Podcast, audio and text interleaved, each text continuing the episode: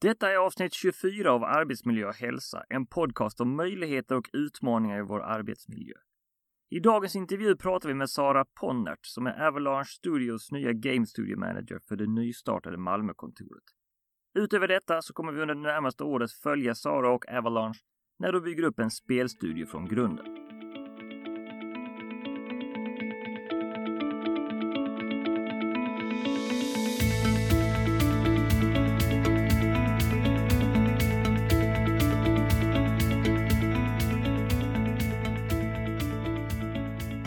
Hej alla lyssnare! Andreas här och välkomna till Arbetsmiljö och hälsa. Om det här är första gången ni lyssnar så tack för att ni testar något nytt och väljer mig. Den här podcasten publicerar avsnitt varje tisdag och show notes finns på arbetsmiljöhalsa.nu. Lägg gärna till podcasten till dina favoriter. Vi har alltså i dagens samtal pratat med Sara Ponnert från Avalanche Malmö. Välkommen Sara! Tack så mycket! Så vem är Sara och vad har du för bakgrund? Ja, Sara är snart 44 och har tre barn. Bor ute på landet med gård och några lamm och alldeles många katter. Eh, har en lång bakgrund inom spelindustrin. Eh, började faktiskt på 90-talet eh, på vad det då hette Nordstedts Rabén Multimedia. Ja. Eh, och sen har jag då jobbat med massa olika grejer inom just spel Eh, började med support och det var office management och exportförsäljning eh, och marknadsföringsansvarig för Norden. Eh, tills jag sen också bytte till att jobba lite med, med tekniken. Eh, multiplayer-teknik för främst då eh, telefoner, mobiltelefoner. Och så har jag också då jobbat med spelansvar på, på Sony, den det då heter Ericsson. Eh, men nu närmast har jag kommit från en, en, en klusterverksamhet som heter Medievolution som finns här i Malmö. Eh, där jag jobbat med liksom, ja, att hjälpa företag här i, i regionen att växa. Eh, och har då haft ansvar för mycket EU-finansierade projekt, så mycket projektmanagement kan man väl säga.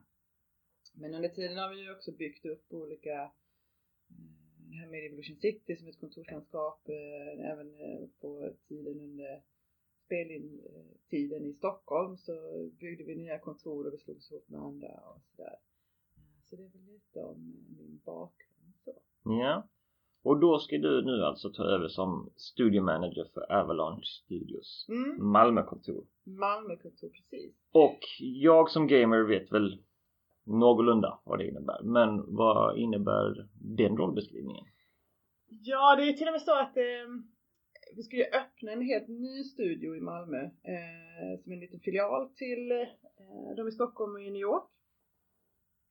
Och en studiomanager eh, är ansvarig för att se till att kontoret liksom funkar. Eh, att de som jobbar där kan göra sitt spel som är tanken att de ska göra. Eh, att de mår bra och har en stol som de kan sitta på och framförallt kaffet finns där. Eh, vilket jag har förstått är bland det viktigaste då. Joltkolan!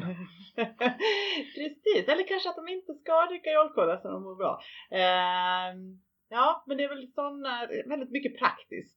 Eh, och även liksom vara ansvarig för att ta in personal men det gör jag också då ihop med seniora producenten som kommer in som jag kommer väldigt teama med kan man säga.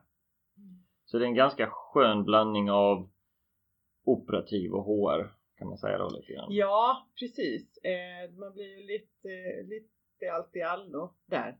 Eh, och framförallt i det här sammanhanget då när vi ska öppna en ny. För eh, till i början blir det ju till och med liksom in på köpa papper och stolar. Mm. Som att se till att, att teamet är på plats när vi behöver dem vara på plats.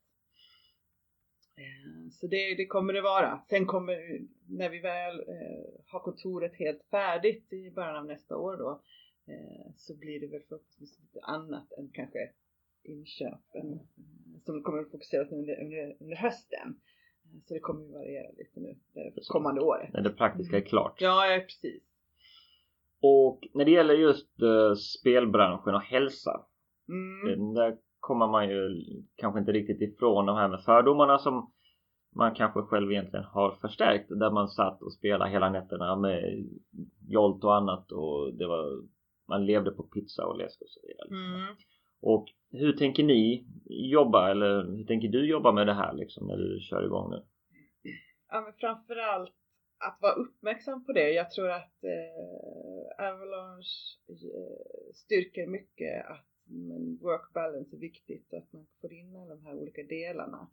Så tur var har jag också eh, ett par som flyttar ner från Stockholm eh, och som har tidigare också sin hemvist här nere i regionen eh, som eh, nu, nu vi ska ha springklubb och vi ska göra lite olika grejer. Eh, så jag har, jag, och, det, och det behöver jag också själv. så det är jag tacksam för. Eh, men, och det tycker jag ju ska in och det ska finnas tid för att kunna röra sig under, eh, liksom kunna det. Um, sen finns det ju, sen kan man ju, sen kan man ju vara, eh, ha lyxen att vara lite naiv och liksom så här, gå in när jag nu börjar och liksom kommer lite från sidan eh, sådär. Att, eh, ja, men, att, man, att man för in det tidigt, att eh, det finns flexibilitet att kunna röra sig och att man kanske gör lite grejer under dagarna för att, att man inte ska sitta still så länge. Sen finns det ju också eh, Sen i Stockholm så stänger vi ju kontoret två veckor under sommaren för att alla ska faktiskt ha semester. Okay. Man får in sådana eh, rutiner som är nyttiga för alla. Sen är ju det så att spel, att, att, att hålla på med, med eh, kanske kodning eller vara kreativ och liksom ja, med sina karaktärer. Alltså det kan ju jobb som man kan liksom sjunka in i och bli och man kanske är väldigt dedikerad så att jag tänker att det är där måste man ju också vara flexibel i åt, åt båda hållen så mm. att man, ja, men, om, om det är lättare för dig att jobba senare så, så ska det också gå liksom. Men att man inte fastnar där. ja, precis. Man måste komma därifrån. Det är rätt så bra. och inte för, vi ska inte ha sängar på kontoret. Nej. Så. på det. Inte på sådana. Så det blir ju lite grann eh, en ledarskapsroll du tar på dig där mm. naturligtvis. Va? Alltså att, att se att hjulen är oljade, kontoret fungerar, personalen fungerar så att säga. Mm. Och hur ser du på ledarskap? Vad är det som utgör bra ledarskap? För det blir rätt mycket en, en ledarskapsroll tillsammans med andra. Mm. Att eh, sätta ganska tydligt, jag ska inte säga ramar, men ja, jo. Eh, att hur vi behandlar varandra eh, och hur man vill att, att det här eh, kontoret ska kännas när man kommer dit. Att det ska vara, kännas kreativt och öppet. Eh, att kommunikation är extremt viktigt eh, nästan så att kommunikation och, och att skapa förtroende mellan mig och de som jobbar där är nästan viktigare än att ha en, en jättebekväm stol. För att man på så sätt om man mår bra och man känner att här kan jag jobba för att jag blir hörd och att man eh, mina behov till begränsning men, men, men tillgodoses så att man, att man känner att ja men eh, här känns det bra att vara. Precis. Eh, att inte, ja men Jo, jag har ett bra skrivbord och så. Det, det, det känns man som hygien liksom. Det, det, det, är klart att man ska ha det. Det är inget snack om. Och att det kanske är en trevlig, att det är trevligt inrätt.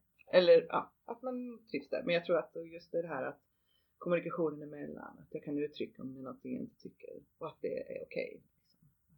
Precis, högt i tak som ja. man brukar prata om. Ja, men precis. Alltså det, det, är ju naturligtvis så att det är lättare om folk vill komma till jobbet. Ja, det är ju lite så. Och det kan ju vara allt, det kan ju vara allting från, uh, vad ska man säga, liksom människorna som, som rör sig och sitter i receptionen till vad man äter och Dynamik. så vidare. Liksom. Mm. Ja precis, och dynamiken också mellan olika grupper liksom. Mm. Och hur man balanserar det där för att det snackas ju mycket om de här fyra färgerna liksom va. Mm, nu är det ju som... Eller om det inte var fyra färger. Ja precis. Och nu är det ju som tur är lite mer komplext än sådär va. Men det mm. gäller ju någonstans att ändå liksom Även om inte jag är så mycket för kategorisering per se så är det ju någonstans ändå att hitta en balans med olika mm. personlighetstyper mm. på något sätt liksom. Mm. Och och få alla att jobba mot samma mål och det är det som jag personligen tycker är det mest spännande med ledarskap rent allmänt och att, att skapa en arbetsmiljö liksom är att man, man är på väg man kommer från alla dessa olika bakgrunder Men någonstans har man liksom i det här fallet då en färdig produkt. Även om spel idag inte är färdiga oftast utan det kommer expansion och annat. Men alltså man har en färdig produkt och, och som alla har jobbat med liksom. Mm. Och uh, grunden tror jag precis som du säger, det, det ligger ju liksom lite grann här att alla alltså vill komma till jobbet, trivs. Mm. Sen, ja, stolen är nog inte alltid det viktigaste utan det viktigaste är liksom att en sån enkel sak som att man säger hej när man kommer och säger hej då när man går Mm. Mm. kan göra jättemycket liksom. Ja, och jag tror att eh, just inom spelutveckling så, så är det ju lite olika personligheter misstänker jag. Eh, här är ju något jag får liksom upptäcka eh, mer. Eh, jag har jobbat med spel men det är ju liksom också från andra hållet. Men, men att eh, eh man har ju liksom allt från den introverte till de som är väldigt eh, extrovert eh, med sina olika kunskaper. Eh, och att kunna eh, också liksom, vad ska man säga, eh, uppmuntra till att dela med sig av sina kunskaper även fast man kanske är introvert. Kan man, vill man göra det och hur kan man göra det på olika sätt? För det är också en utveckling av de som jobbar på, i, i teamet att man, man höjer sin kunskap genom att dela med sig av sin kunskap och, till varandra.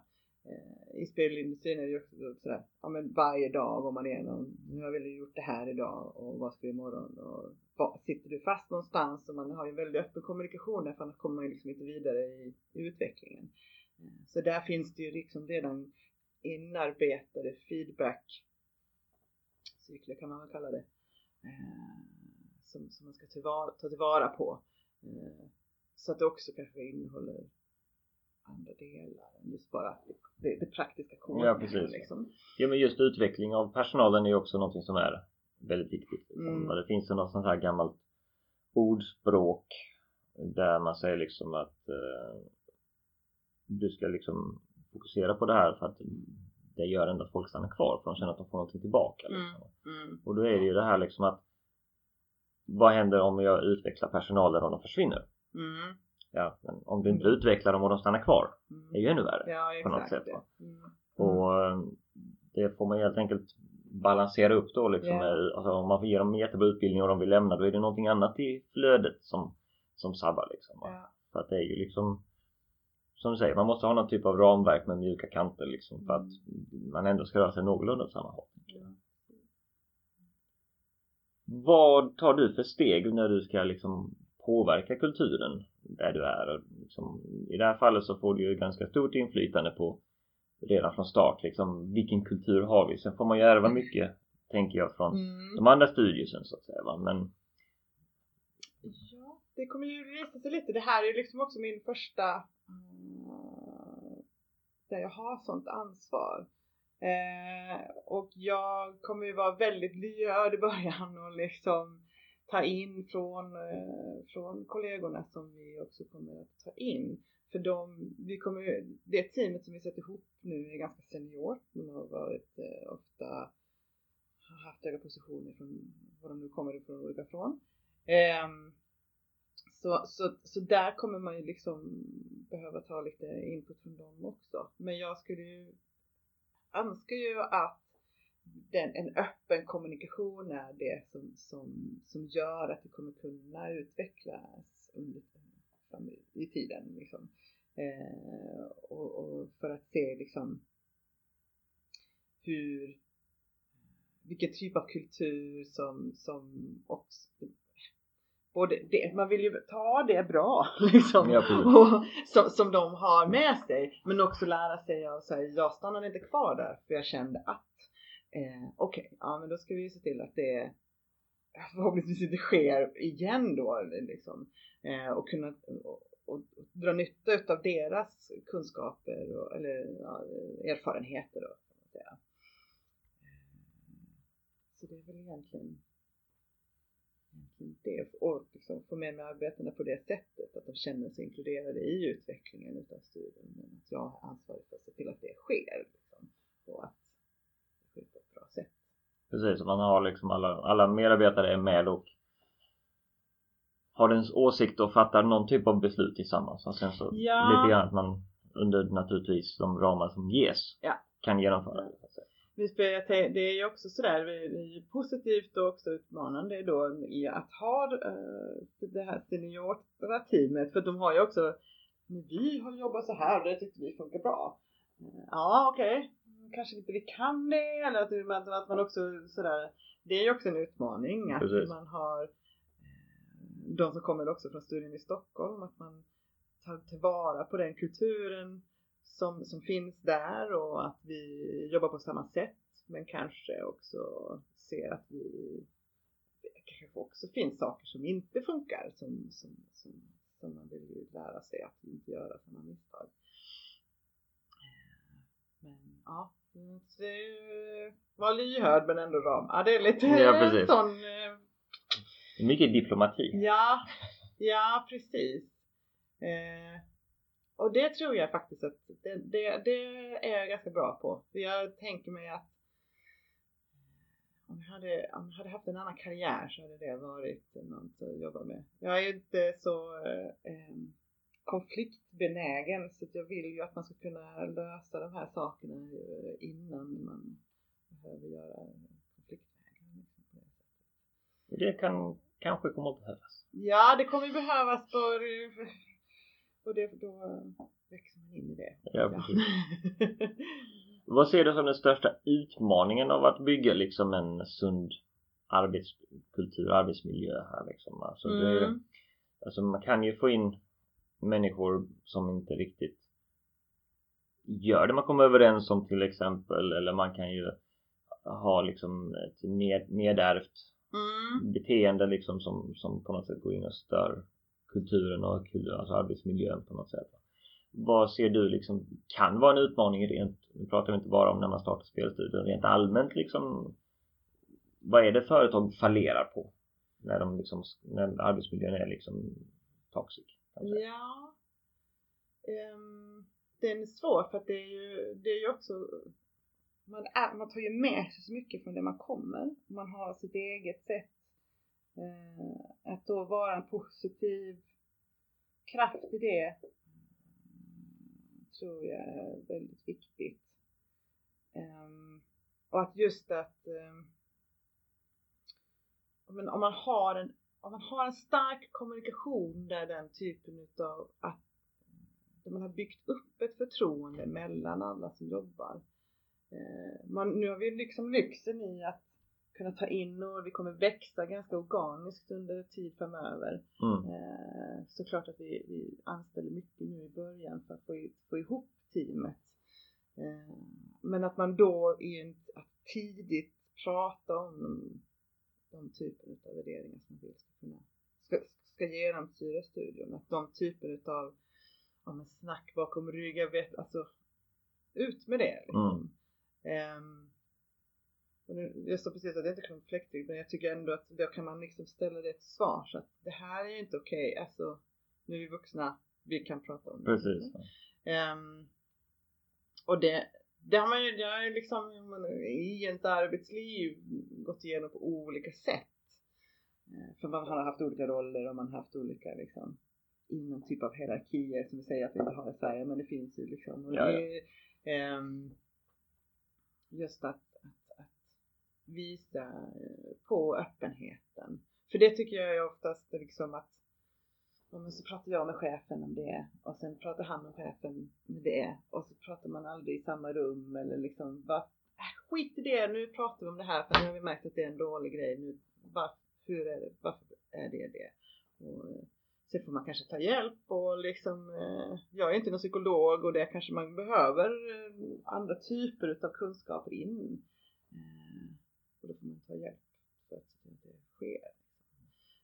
Öppna processer tror jag är bra just att mm, ut med det. Jag tror nog det också, liksom just att man har den här öppenheten och klart och tydligt förklara att här, här jobbar vi tillsammans och vi ska ja. må bra tillsammans liksom.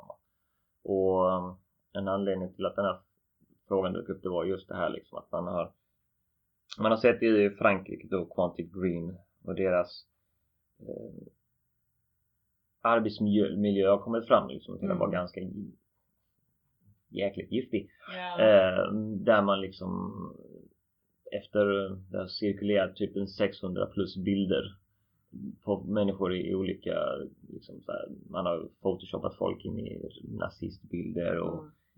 både rasistiskt och sex, eh, sexistiskt eh, porträtterat mm. kollegor och anställda mm. liksom. Alltså, var det till slut någon som fick nog och liksom, sen har det där bara spilt ut vilket gör ju liksom att här har man liksom en studie som var någon typ av föredöme liksom mm. som visade sig vara ganska ruttet på insidan liksom mm. och det var inte en liten rapport heller utan det var liksom inte en notis utan det var liksom ett arbete de hade jobbat med i liksom ett par månader de här journalisterna tillsammans liksom och det där, alltså det här är ju inte unikt i egentlig mening för spelbranschen utan nu är det just där den, den, den eh, vad heter det, det området vi rör oss i så att säga va? men sådana här saker som att man ger varandra smeknamn mm. det är ju inte alltid att människan som får ett smeknamn är jättetillfreds med det. Nej, det.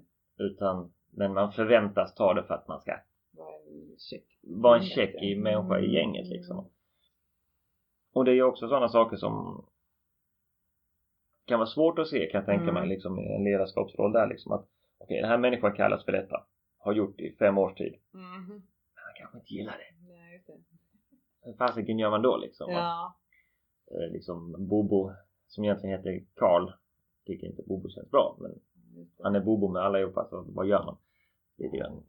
Och sådana utmaningar det... kan ju liksom kan jag tänka mig kan också vara en del av, av det hela liksom. Mm. Och sen är det ju klart det är ett seniorteam med många seniorer så förhoppningsvis har man en större möjlighet att säga ifrån än om man är en junior som vill göra ett gott arbete och inte vara med obekväm. Nej precis. Och där är det ju, där om man då går till att den här hierarkin som säger inte har, om man inte säger vi har den, att man då försöker prata med alla på samma typ av med samma nivå liksom, även om det kommer in juniorer så skulle det precis som att man pratar om man, men alla har lika värde. Det är väl det som är det viktiga liksom. Förstår ni det? Eh, förstår du? Och vill du inte bli kallad bobo så ska mm. du inte behöva vara det. Liksom. Ja, så då pratar vi med alla om det, att skit i det liksom. Um, men det, ja, ja, det är ju spännande. Det är liksom just det här att ta upp det och få upp det på bordet fort eh, innan det blir någonting som nöts in och blir helt plötsligt en kultur som, ja, som accepteras av någon konstig anledning som man inte kan ta på. Eh, alltså det är lite grann att göra liksom en check en gång i halvåret med folk liksom så här, hur mår ni? Ja. Vad vill du ändra på? Är det någonting du vill säga mellan Exakt. fyra ögon? Ja, mellan fyra ögon liksom. Eh, som du inte vill säga inför allihopa på månadsmötet till exempel. Ja, ehm, det vet jag, vet jag inte ens om det är min roll så, men jag tänker ju mig att i andra fall där jag har blivit så att ha just sådana återkommande samtal med den som är ansvariga för, för personalen är, tycker jag är superviktigt. Att man liksom kan, så man fångar upp sånt innan det har gått ett år och man har känner sig helt nere för att det är ingen som har uppmärksammat det. Um, sen hoppas jag att jag kan ha det ögat att kunna se. Eh, uh, jag, och, och viktigt att liksom kunna bli en fast jag inte kan koda eller göra någonting alls bli en i teamet. Ja, precis. Får jag vara med i teamet? Ja, men liksom att, att kunna ja, men, vara en i gänget också. Eh, och det är också sådär fint. Ah, man ska vara ansvarig och chefig liksom. Men sen också vara i teamet och body body. Nej men det är svårt men. Eh, mm. Projektledardilemmat. Ja. En del av gänget men ändå inte. Ändå inte ska du eller ska du peka? Nej, ja. Mm. Mm. Peka med öppen hand. Mm. Det är alla jätteförvirrade. ja exakt. Vilket håll? Ja. Alla håll. För spelbranschen är ju förutom att vi är väl, om jag inte missminner mig, är den industri i Sverige som faktiskt drar in mer cash än musikbranschen så är det också en bransch som är känd för tuffa arbetstider framförallt mm. eh, crunching och att man liksom på något sätt ja men nu har du fått jobb här och du är, du är kodare liksom bara du har nått, din, du har nått ditt mål och så ska man mm. leva för företag liksom va? och Waypoint Eh, en podcast eh, som bland annat snackar om spel och annat. De tog ju upp det här liksom att eh, en av killarna som var med i Giant Bomb, en annan gigantisk spelpodcast, Patrick Klepik, de diskuterade bland annat om det här att det fanns en rapport som var ganska nylig från eh, USA då, där eh, folk i snitt, om jag kommer ihåg det, snitt jobbade 6, 7, kanske 8 år med det mm. de hade önskat hela sitt liv. Mm. Sen fick de nog. Mm. Det var väldigt mm. ovanligt att folk kom upp i 10-15 år i den här mm. branschen för att, för att de fixade inte det liksom. Nej. Och jag kan ju absolut tänka mig att bara en sån sak om att jämföra Europa och USA, bara där har man en skillnad liksom. Ja. Men just den svenska approachen, hur vi ser på arbetslivet i allmänhet alltså. mm. och hur det liksom, hur man, hur vi, de krav vi ställer liksom för att man ska trivas hur tänker ni på det liksom? Eller hur tänker du på det? Hur, hur, hur det ska balanseras? Det mm. Du pratade om det i början, work-life balance. Liksom. Mm. Och det kommer komma perioder, okej, okay, det här spelet ska bli klart. Nu måste vi ändå jobba lite extra liksom. Um, jag tror att det är viktigt, alltså planning is everything. Nej men alltså det är ju jag tror att det absolut kommer komma tider när man kommer behöva jobba över eh, eller cruncha som man säger i spelindustrin. Ja, jag, jag, det var lustigt för vi var på tugget. tugget eh, jag var på ett event innan sommaren på Bornholm Game Days med lite olika ansvariga för andra eh, spelindustrier som just Nordisk Film och Egmont arrangerar. Eh, och då pratade vi mycket om det här och det var väldigt stor skillnad bara inom, i rummet. Mm. Eh, hur man hanterade det och hur man liksom på, på, ett sätt också så är det lite förväntat av de som jobbar också. Att man kanske tycker det, det finns en flair över det som, som ah, man ska cruncha och man ska sitta och det är lite coolt på något sätt. Liksom. Mm. Eh, och jag tänker mig att det kan, det kan det vara, för det kan ju också vara så att ah, men nu sätter vi in allihopa. Eh, jobbar vi alla man, veckor, alla man på däck, alla hjälper till. Man, det känns som en teamgrej. Och det kan det vara. Och jag tänker mig att men, men sen är det ju också, jag reflekterar över det då, att varför kanske man ju väl i varenda jobb.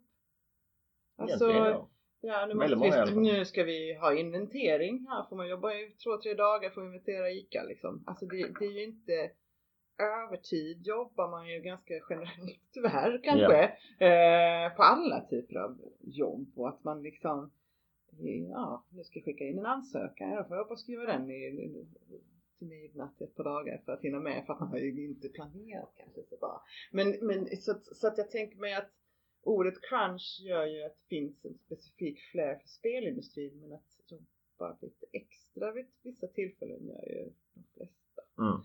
Um, men som sagt, det var väldigt stor skillnad och jag menar vi på, på Avalanche om det, att om, om man, vad heter det, blir tillsagd att jobba över då och cruncha så får man ju faktiskt får man betalt för det. Eh, och för det är inte jättevanligt har jag hört. Det har jag förstått att det inte är, nej. Eh, och det för det ja men det var så liksom. lustigt, ja, och så, så, just på de här game days så var jag, jag sa det att ja men det, har ju man måste också titta på industrin i sig har ju liksom mognat. De som, när, man, när jag började 99 där, eh, då var alla ganska unga. Det var mm. inte så mycket barn Nej. att snacka om liksom. Så skojar jag och sa att ja men man får väl bara anställa folk utan barn då. Och då var det en kille som sa ja men det gör vi. så jaha okej. Okay. okay. Uh, mm. Ja, det, då var, aha. Ja, kan, okay. vi gå vidare? men så var det en andra på andra sidan bordet som sa att ja, men jag är ju coolaste pappan i den här klassen som har spelstudio. De tycker ju alla ungarna är sjuka. Så att, och när vi kanske så gör vi det också. Mm. Alltså att alla går in och gör det och alla hjälps åt. Liksom. Så att det känns som att, ja men det är ingenting som som bara gäller kola. Nej, det är så. Nej, nej. Alla går in och gör, gör sin vad de kan liksom. Jag vet inte vad jag ska göra. Men jag kan göra något. Koka kaffe kanske. Nej men alltså det, så att um, Nej men det är nog som men, du säger liksom att det, det, kommer alltid att ske. Och specifikt det kommer ske, här liksom. Och jag tror att, men så länge man vet att, och det är samma sak med alla typer av deadlines. Jag vet att den här veckan kommer jag få jobba skitmycket. Men veckan efter kompenseras jag för det eller mm. något på något sätt liksom. Så, så kan man få jobba in det, man, man kan ha en, en diskussion hemma, man kan liksom fixa till att det är, uh, bara det inte blir varenda helg Nej precis. Och inte allt för man, långt. man, man, alltså man räknar med att de ska göra det. Nej, precis. Eh, Det vägrar jag. För jag har ju läst eh, och hört om exempel där liksom folk har basically crunchat i ett års tid liksom. Mm. Och Då liksom undrar man ju, kanske behövs några fler människor istället. Till exempel va, om man har crunchat i ett års tid och sen går direkt in på nästa projekt och sånt här va. Och jag tror det, det är nog om man jämför just det här som du också märkt av bara liksom om man ska kalla det för regionalt eller lokalt Mm, liksom så mm. finns det stora skillnader. Ja. Och vi pratar ju också om att det finns många, många många av dessa studios växer sig också så gigantiskt stora. Mm. Så liksom om du sitter där och har liksom 2000 man så någonstans så kan du ju liksom inte ha kontakt med dem alla utan det blir ju någonstans människor på ett papper liksom. Och sen, Mm. Mm. här, Då är det så- lätt att säga, men han kan väl jobba den här. Ja liksom de här, nu, nu får vi cruncha liksom alla 50 in va och sen så börjar folk falla från och så får man liksom? Men som du säger va, planning is everything va? Kan man planera det liksom så gott man kan och sen håller det på en normal nivå liksom. Att Ja. man liksom istället för att folk crunchar och har 12 timmars övertid under liksom ja, fem veckor va. Ja, Så kanske man kan ha liksom ett par timmars övertid under liksom lite längre tid eller något liknande. Ja. Eller ta en helg där man liksom kör igenom allting eller whatever. Ja. Och jag tänker mig att det, det finns ju vissa så här, nu har vi ju en tid när vi ska ut med det spelet vi ska göra i Malmö och vi vet när det är E3, vi vet när det är Gamescom och det, här, där finns ju vissa naturliga deadlines där man kanske ska visa upp någonting eller att, och att man precis innan dem snyggar till det så mycket Ja, som möjligt liksom. Eh, så man kan ju redan nu säga att ja, men till Gamescom 2019 eller 20 så kommer vi vilja ha någonting. Så Man jobbar mot det, alla vet det. Mm. Eh, börjar man hicka då på vägen dit så kanske då får man titta över liksom okej vad har vi för resurser? Vad kan man Precis. Finns det resurser i Stockholm man kan ta in specifikt för det här eller att man eh, försöker vara flexibel med det. Eh, Men ja, nej, jag, det, det är ju det, det, något som är bra är ju att man pratar om det så pass mycket. Om man redan från grunden statuerar, liksom, som du nämnde, alltså statuerar exempel att okej, så här ser vi på den här värderingen när vi har, vi vill att ni ska ha bra balans. Då kommer ju Mm. folk också att våga säga ifrån att, Mm. ja men nu tycker du det blir för mycket. Va? Mm, och så ja, kommer de exakt. kanske till och med med ett motförslag liksom att vi gör så här istället, Ja, tänker jag. precis ja. Och det är ju det som jag vill till. Att man liksom var en del utav lösningen. Ja precis. tillsammans. Eh, vara en del av kommunikationen runt svåra frågor eller om det blir något som mm, känns att ah, nu är det något som gnisslar. Ja precis. Att man vågar säga jag tycker nu är det här, kan vi göra så här istället? Så. Men jag tänker att om jag är väldigt tydlig med det från början så hoppas jag att jättebra. jag tror, nu, ja ja tjata, jag vet, vi kan säga vad vi vill och så. Men eh, ja, jag tror att man, är tydlig från det Ja dag precis. ett, minut ett. Det är den här typen av öppen kommunikation vi vill ha. Ja. Ehm, och om, som jag har förstått det så är det också viktigt i, i Stockholm och i New York. Eh, nu är de, de, de är så mycket större. Det blir ju faktiskt svårare att hantera när man blir fler. Men tanken är ju eh, att vi inom en snar framtid kommer väl nå kanske 30 personer. Men det är många liksom. Det är i alla fall som en skolklass. Kan man, Mm. om, man, om jag, jag Precis. tänker se det som det. Liksom. Här är massa olika personer. Någon är lärare, någon är stöd, någon är det. Det ska nog se till. Alltså. Det blir lite så. Det Ja. skolklassår. Ja. Ta som bild. Och så ligger någon så här och någon har fäst i hatt. Det skulle bli en Malmö, äh, Avalanche Malmös grej. Man gör sådana skolfoton varje år. Se hur det växer. Just det. Ja, det är en rolig idé. Maskeradklädsel obligatoriskt. Ja, exakt. Eh, vi pratar mycket eh, om, om det som man direkt kan påverka så här liksom den interna arbetsmiljön och respekten och eh, den interna kommunikationen. Men tyvärr så har det ju mycket på de senaste åren med sociala mediers framväxt och framförallt med Twitter ehm, Vad är det fram. med Twitter-spel? Det är något, vad är det med Twitter i allmänhet? Ja, alltså, det är mest, mest, många gånger mest dynga. Ehm, och vi har haft Gamergate Mm. och vi har haft den här framväxten av organiserad mobbning Mm. riktad framförallt mot mot eh, kvinnor och människor av olika hudfärg och, och människor som identifierar sig som olika Alla. saker och ting. Mm. Eh, och det som är ganska mycket eh, snurrat på sistone har ju varit hur Ar- ArenaNet som är en av de större spelutvecklarna så sett. De råkade ut för att en av deras anställda på sociala medier tog ställning för basically vad hon kunde och förklarade för någon som det var liksom ganska mycket en mansplaining situation. Att hon Mm. förklarade saker och ting fungerar. Här kommer någon snubbe in som inte har en susning om vad någon erfarenhet och försökte korrigera henne.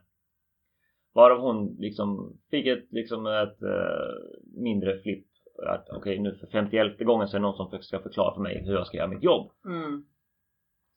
Vilket ledde till en stor snurr där hela det här trollgänget kom liksom och bara började basha henne för att hon inte kunde ta kritik och så vidare liksom. Och, När man-?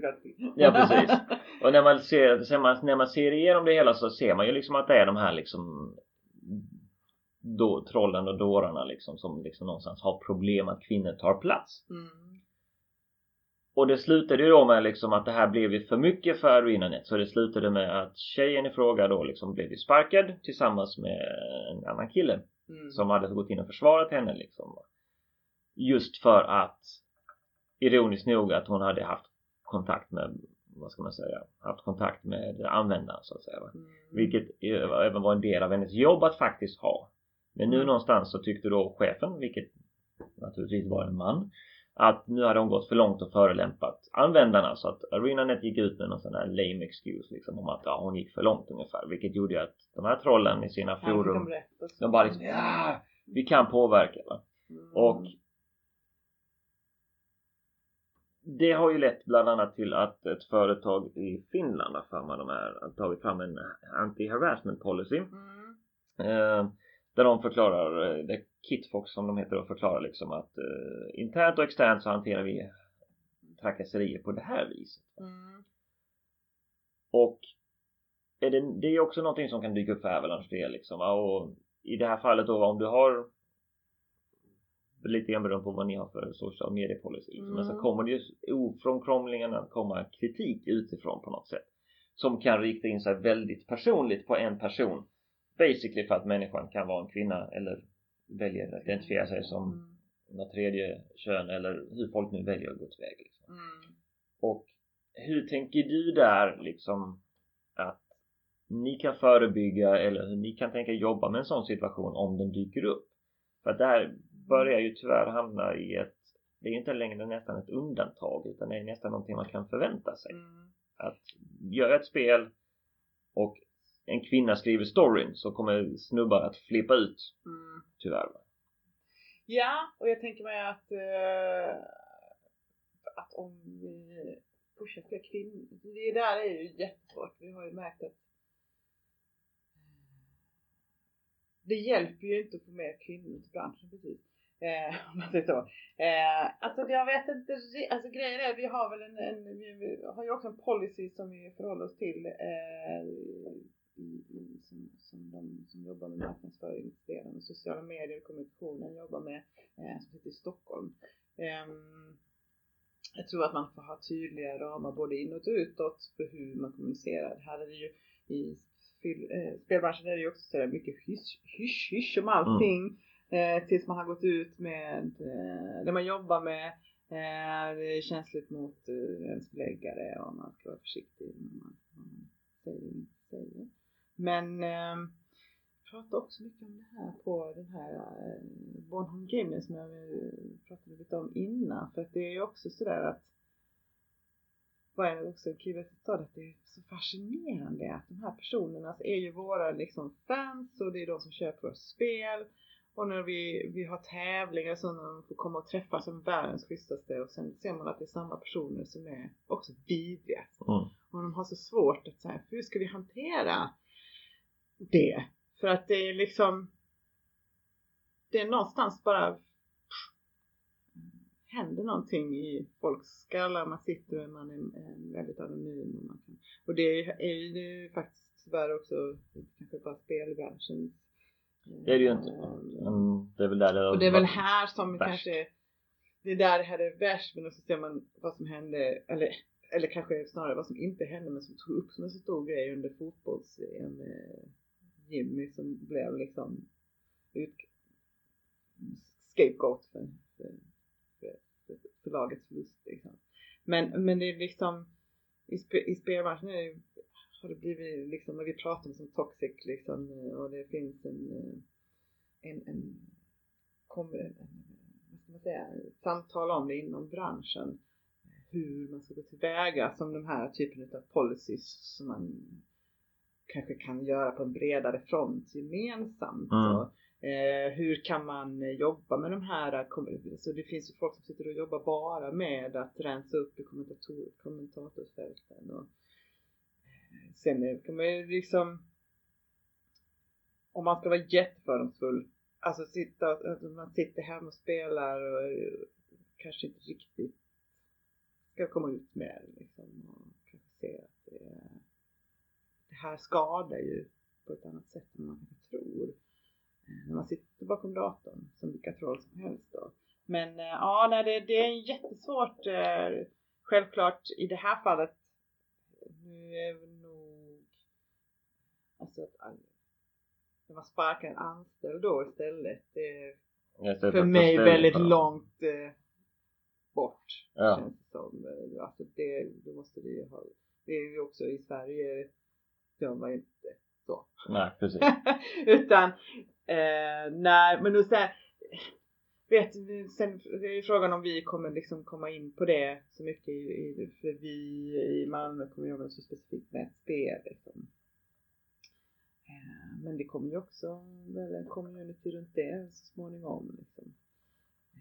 Eh, Det är en svår fråga så att jag har inte så mycket svar på den såklart men, men förutom att man hela tiden måste vara uppmärksam. För det kan ju, det som den här andra, just att det kan ju också komma inifrån. Mm. Eh, när man har stora spelstudior så blir det ju en just de här som du, Quantic Quantic, Dreams, Dreams, som, som exempel. Att det är inte bara utifrån de här trollen kommer utan Nej, nej. inifrån. Eh, så där får man ju vara väldigt uppmärksam liksom, på hur vad man kommer att kommunicera runt ett spel. Eller, hur- Hålla fingret på pulsen helt enkelt. Ja. Liksom. men det, ja, mm, det är så svårt. Det är, Ja, det blir någon så här bizarr form av entitlement va. Alltså jag har lagt ner som spelare då, som trollspelare. mm. Eh, lagt ner liksom timmar och pengar på det här och jag har rätt ja, att på, alltså ja.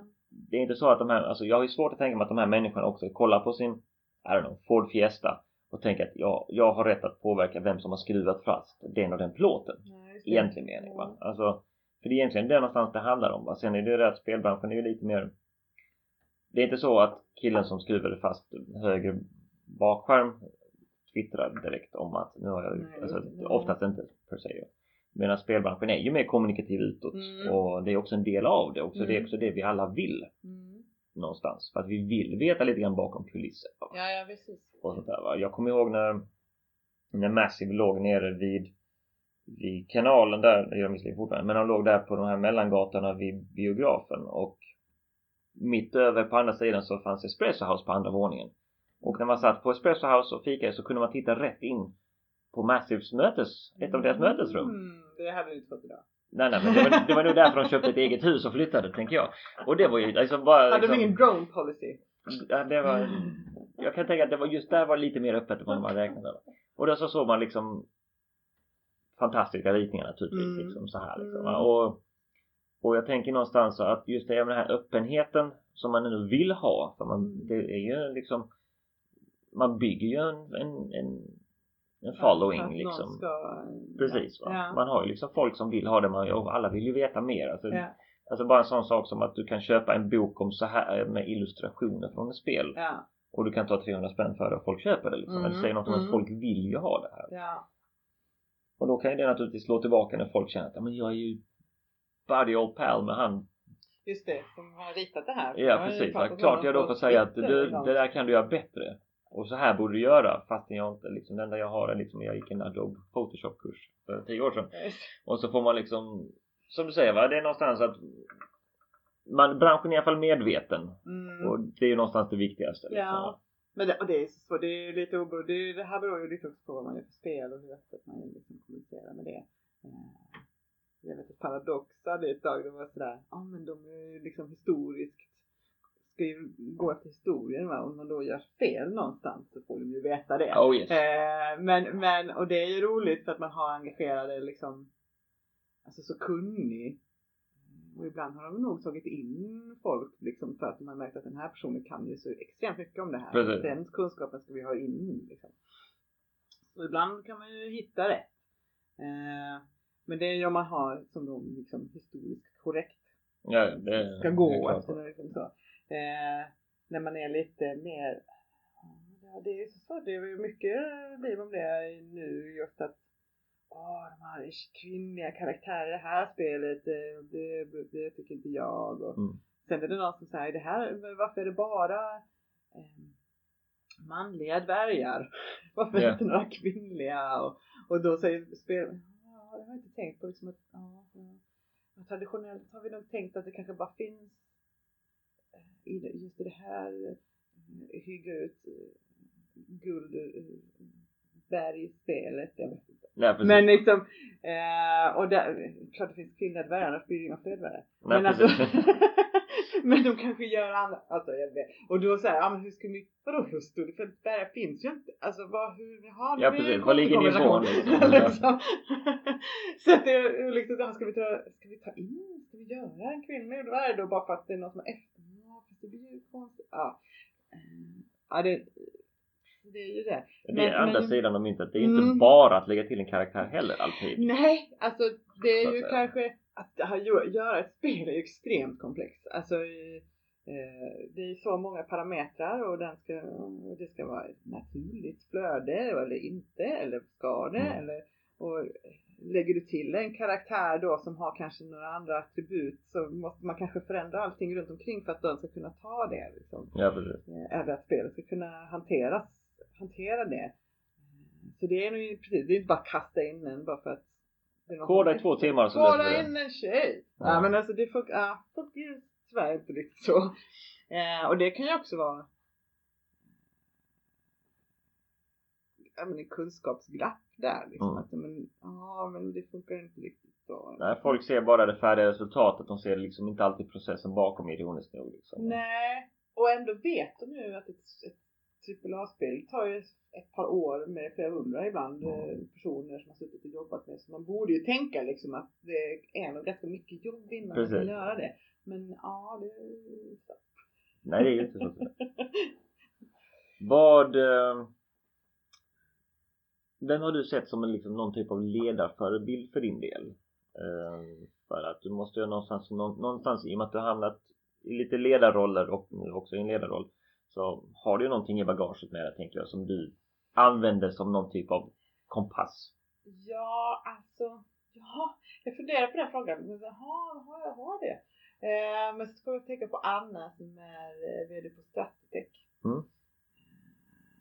De har jag ju följt under den tiden jag jobbat med Evolution och liksom säger att de har vuxit och vuxit och växer och hur man hanterar det och eh, de är väldigt noga, eh, jobbar väldigt mycket med liksom att ja, men hur man är på jobbet och är samman så att man har roligt och hela kittet liksom. Eh, så, så jag får väl säga Anna Werntoft på Stratec tycker jag är en bra förebild som jag som jag ska följa Ja. fotspår liksom. Eh, för det är jag i, i jobbet just med, på Media Evolution så har jag träffat extremt mycket olika typer av företag. Mm, Så det är kanske mer en, en en kunskap man har tagit in liksom generellt då när man har träffat eh, olika personer och märkt att så här kanske jag inte skulle Ja. jobba och så här kanske jag tänker mig. Eh, och det är väl det som jag nu ska försöka då exekvera ut liksom. Nu ska jag ta, dra nytta av de lärdomarna och se liksom på vilka företag och hur de jobbar. Mm. Så. Skapa en trivsam arbetsmiljö. Jag tänker att Malmö växer ju fram lite grann som en, en verkligen en spelstad Mm. och så vidare liksom. Alltså att du kommer ju lite grann med tanke på Avalanche goda rykte och bra produkter och så vidare liksom. Alltså är det ju ändå att du får lite grann en, en, en power position ganska direkt med, kan jag tänka mig liksom, där många ögon på dig på Mm. ett sätt va. Ja, ja, precis. Och vad heter det? Du förefaller väldigt säker på hur du vill göra saker och ting. Och, Ja. och det tror jag liksom kommer göra att vara väldigt gynnsamt för branschen och även för Avalanche naturligtvis va. Ja, vi får hoppas det och jag tänker mig att det är ju inom de de åren jag har jobbat här nere i Malmö så har jag skapat ett brett nätverk att kunna ta, ta hand om. Mm, också därför jag har blivit tillfrågad att ta hand om det här. Mm. Ehm, sen, sen ska vi säga att jag är ju inte experten på vilka typer av kunskaper vi behöver in i ett team utan det kommer ju eh, den seniora producenten och jag göra tillsammans Mm. eh, och titta på dynamiken och liksom vilka typer av, vad, vad behöver vi för personer in liksom. Precis. Eh, och framförallt sådär, vad, jag kan inte se på en kod säga ah, bra kodat.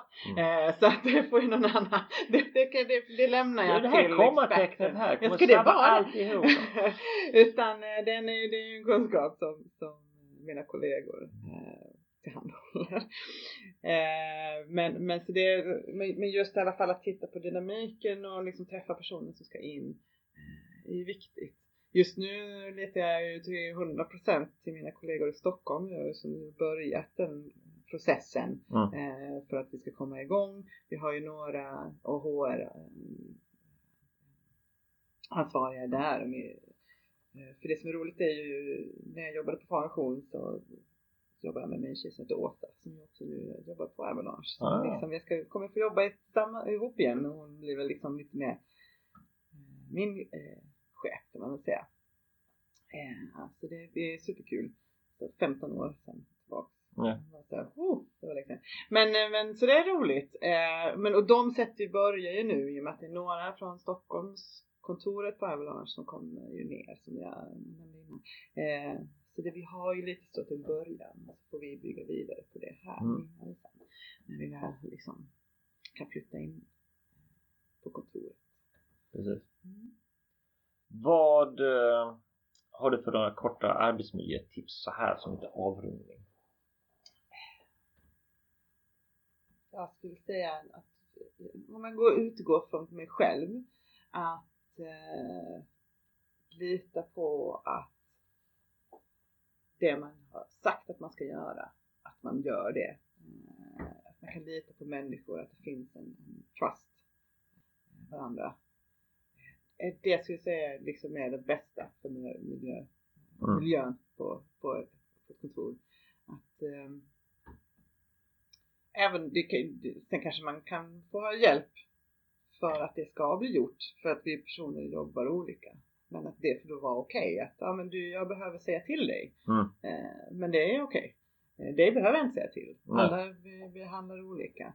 Eh, men att båda sätten är fine för att man bara är olika som personer. Och att man tar tillvara på det. Det är det bästa för miljön.